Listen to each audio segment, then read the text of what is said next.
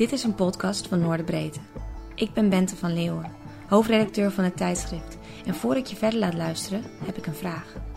Onze podcasts zijn voor iedereen vrij beschikbaar. We vinden het belangrijk dat iedereen ze horen kan. Maar journalistiek is niet gratis.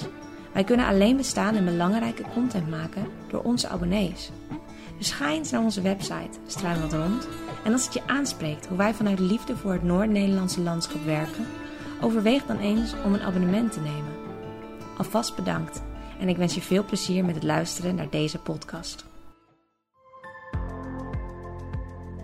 Terug naar brakkige tijden. Dit is een artikel uit Noorderbreedte nummer 4. Ga voor meer informatie naar www.noorderbreedte.nl.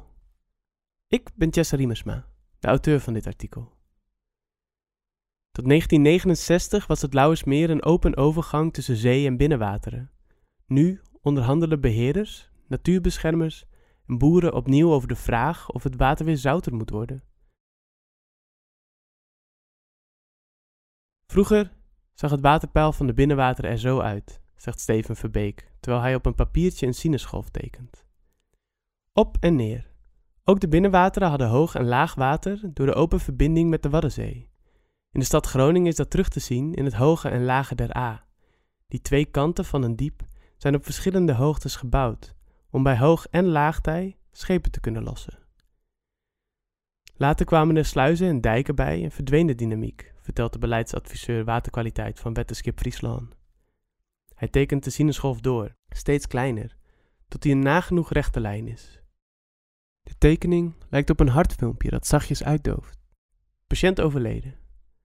Zo is het voor soorten die van de dynamiek afhankelijk zijn, zoals het riet. In 1969 heeft de toen kerstverse bedijking de Lauwerszee in een meer veranderd. Het estuarium is geamputeerd, al dus ecoloog Jasper Schut van Staatsbosbeheer. Binnen een paar maanden was het Lauwersmeer volledig zoet en stonk het van de dode zeedieren. Drie belangrijke dynamieken van het gebied gingen daardoor grotendeels verloren. De fluctuatie in het waterpeil door het getij, de overgang tussen zoet en zoutwater en de vismigratie. Voor de biodiversiteit van het Lauwersgebied zou het goed zijn de dynamiek weer terug te brengen.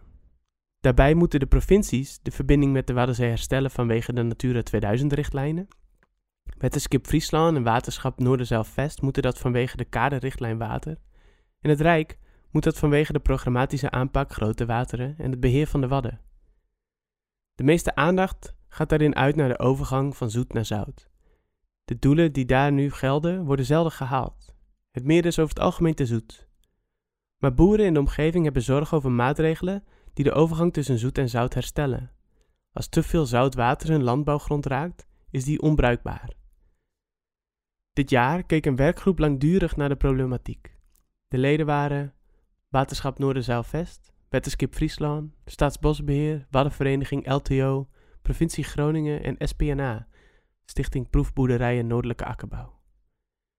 Dit vanwege de discussie over de onder- en bovengrens van het zoutgehalte in het meer. Het waterschap wilde die verlagen, mede omdat de bovengrens vrijwel nooit gehaald werd. Waddenvereniging en Staatsbosbeheer gingen in verweer, terwijl de boeren de verlaging juist aanmoedigden. Wat staat er precies op het spel? Wat maakt de verbinding met de zee zo belangrijk? De dynamiek die deze oplevert is in de eerste plaats belangrijk voor de vegetatie. Het landschap van het Lauwersmeer neigt sinds de aanleg van de dijk naar bos. Dat betekent dat als het gebied met rust wordt gelaten, er op termijn enkel nog loofbos staat. In de ecologie heet zo'n proces van opeenvolgende vegetatie successie. In een met rust gelaten achtertuin groeit na een paar maanden overal onkruid. Doe je daar langer niks aan, dan maakt het onkruid na vijf jaar plaats voor grote struiken als de lijsterbes. En na twintig jaar nemen weer andere soorten het over en ontstaat er een bos. Het Lauwersmeer wordt sinds de aanleg van de dijk op een vergelijkbare manier met rust gelaten. Toen het nog een zeearm was, hielden het zoute water en de getijden die het land overspoelden bosvorming tegen. Dat gaf de ontwikkeling van het ecosysteem om de zoveel tijd een reset. Jonge boompjes en zaden gingen dood en pioniersoorten konden opnieuw hun werk doen. Nu probeert Staatsbosbeheer de bosvorming te vertragen door Schotse hooglanders los te laten en in de zomer het vee van omliggende boerderijen. Het bos helemaal stoppen lukt niet, al dus schut. Vooralsnog wint het bos. funest voor de vele diersoorten die afhankelijk zijn van het permanente pionierslandschap. Het riet, dat door de bebossing dreigt te verdwijnen, is belangrijk voor vogels als de roerdomp of het porseleinhoen. Ook is een open verbinding belangrijk voor migratie. Vissen als zeeforel en bot zoeken gedurende hun leven zowel zoet als zoutwater op, al is zoeken voor botjes een te groot woord. De kleine larven komen uit hun ei tussen de Waddeneilanden, legt ecoloog Wouter van de Heij van de Waddenvereniging uit. Vanaf daar stromen ze mee naar de Wadkust, waar ze het zoute water opzoeken. Het zijn zwakke zwemmers, ook wel passieve migranten, ligt de ecoloog toe. Ze zijn afhankelijk van de stroming, die de sluizen grotendeels stoppen. Als de botjes eenmaal het Lauwersmeer bereiken, kunnen ze veilig opgroeien. Er zijn weinig roofdieren en het stikt er van het voedsel. En gaat het goed met de vissen in het gebied, dan is er ook genoeg eten voor de vogels.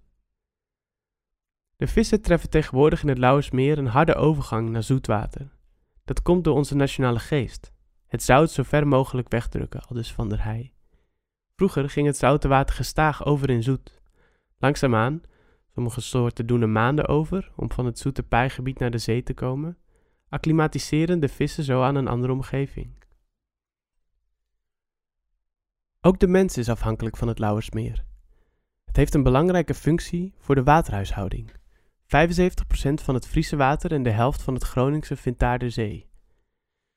De Lauwersdijk heeft geen pomp en kan daarom alleen lozen als het meer hoger ligt dan de zee. Dan gaan de R.J. Kleveringssluizen open en stroomt het zoete water naar buiten. Per jaar verlaat 1230 miljard liter water de Kleveringsluizen, vertelt omgevingsmanager Sylvia Mostert van het waterschap Noorderzeilvest. Die afwateringsfunctie is belangrijk. In 1998 en 2012 lagen delen van Groningen na extreme regenval onder water, doordat het Lauwersmeer niet goed kon afwateren. De boeren zijn eveneens onderworpen aan wat het Lauwersmeer doet. Wij boeren natuurlijk op oude zeebodem, zegt akkerbouwer en plaatselijk bestuurslid van LTO Frank de Schutter. Boeren verbouwen hun pootaardappelen eigenlijk op zoute grond. In het bovenste laagje bevindt zich een zoetwaterlens van soms niet meer dan een meter. Zoet water is lichter dan zoutwater en blijft erop liggen. Regenwater vult die lens aan. De zoetwaterlens is kwetsbaar. Tijdens droge zomers bestaat het risico dat het zoute water uit de ondergrond omhoog komt en in de klei kruipt. Ook door hoog water op zee of een hoog waterpeil in het Lauwersmeer kan de druk op het ondergrondse zoute water zo toenemen dat het omhoog komt. Al is over het precieze risico daarop weinig duidelijk. Het werkt als een waterbed, al dus de schutter. Druk je op één plek, dan komt het ergens anders omhoog. Met onder andere het zoetwaterplan, waarmee water uit het IJsselmeer door het noorden spoelt, zelfs tot in waterschap Hunze en Aas, wordt de verzilting van het oppervlaktewater bestreden. Door het zoute water gaat de klei verkitten, zegt SPNA-directeur Westerhof. Klei bestaat uit kleine plaatjes, die niet op elkaar plakken door de mineralen die zich ertussen werken. In het Lauwersgebied is dat vooral calcium. Het natrium uit het zoute water verdrinkt dat en zorgt ervoor dat de klei indikt. Dan is het voor gewassen onmogelijk om zich te wortelen en kan er weinig zuurstof in de bodem komen. Die verkitting is niet in een paar weken opgelost. Op de proefboerderij wordt onderzoek gedaan naar de effecten van zout grondwater op de gewasgroei, maar het is nog te vroeg voor resultaten. Door de kans op verkitting kijken de boeren kritisch naar plannen met zout water. Een foutje verstoort niet alleen een enkele oogst, maar de hele grond voor meer jaren, zo niet voor altijd. Dit najaar presenteerde de werkgroep een voorstel voor de toekomst van het meer. De werkgroepleden zijn enthousiast over de samenwerking, die laat zien dat de verschillende belangen elkaar niet hoeven uit te sluiten. De werkgroepleden zijn enthousiast over de samenwerking, die laat zien dat de verschillende belangen elkaar niet hoeven uitsluiten. Het was spannend, zegt directeur van de proefboerderij SPNA Henk Westerhof. Maar dankzij de open houding van iedereen zijn we zo ver gekomen als we nu zijn. De belangrijkste aanbeveling van de werkgroep is de aanleg van een uitgebreid en openbaar toegankelijk monitoringssysteem in het Lauwersmeer en het omringende land. Er is te weinig zicht op de verspreiding van het zoute water, merken alle werkgroepleden op. Het meetsysteem moet volgens de werkgroep veel uitgebreider. En ook moet er meer inzicht komen in de situatie op het land. Hoe groot is die zoetwaterlens waar boeren op zitten? En hoe kan die ook in de toekomst beschermd worden? Komt het zoute grondwater uit de Waddenzee? Of is het water dat er al eeuwen ligt? Op de korte termijn is er volgens de werkgroep ook meer ruimte om zout water binnen te laten.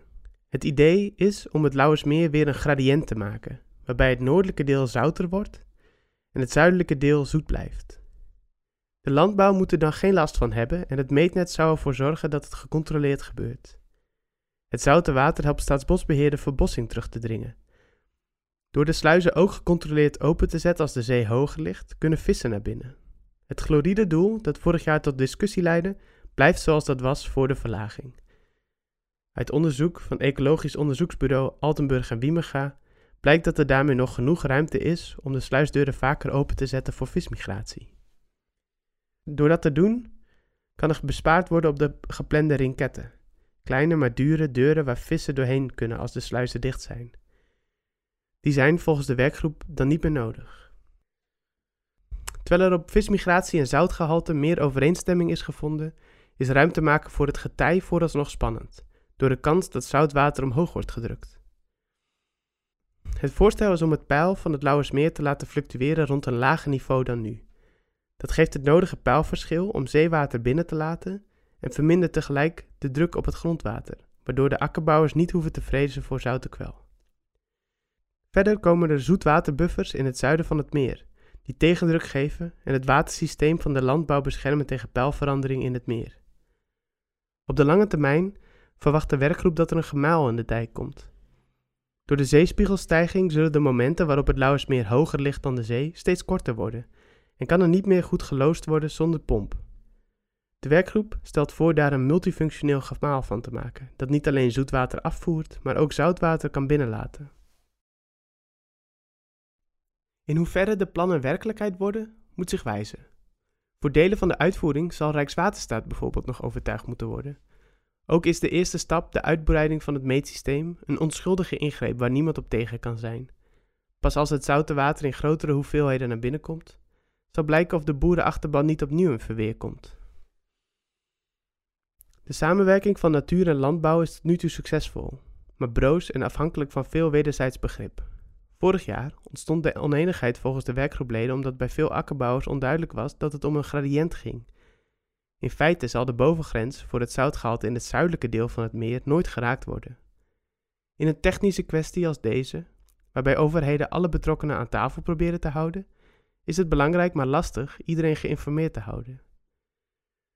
Bovendien is er altijd nog de mogelijkheid dat verder onderzoek uitwijst dat landbouw en natuur simpelweg niet samengaan in het Lauwersmeergebied.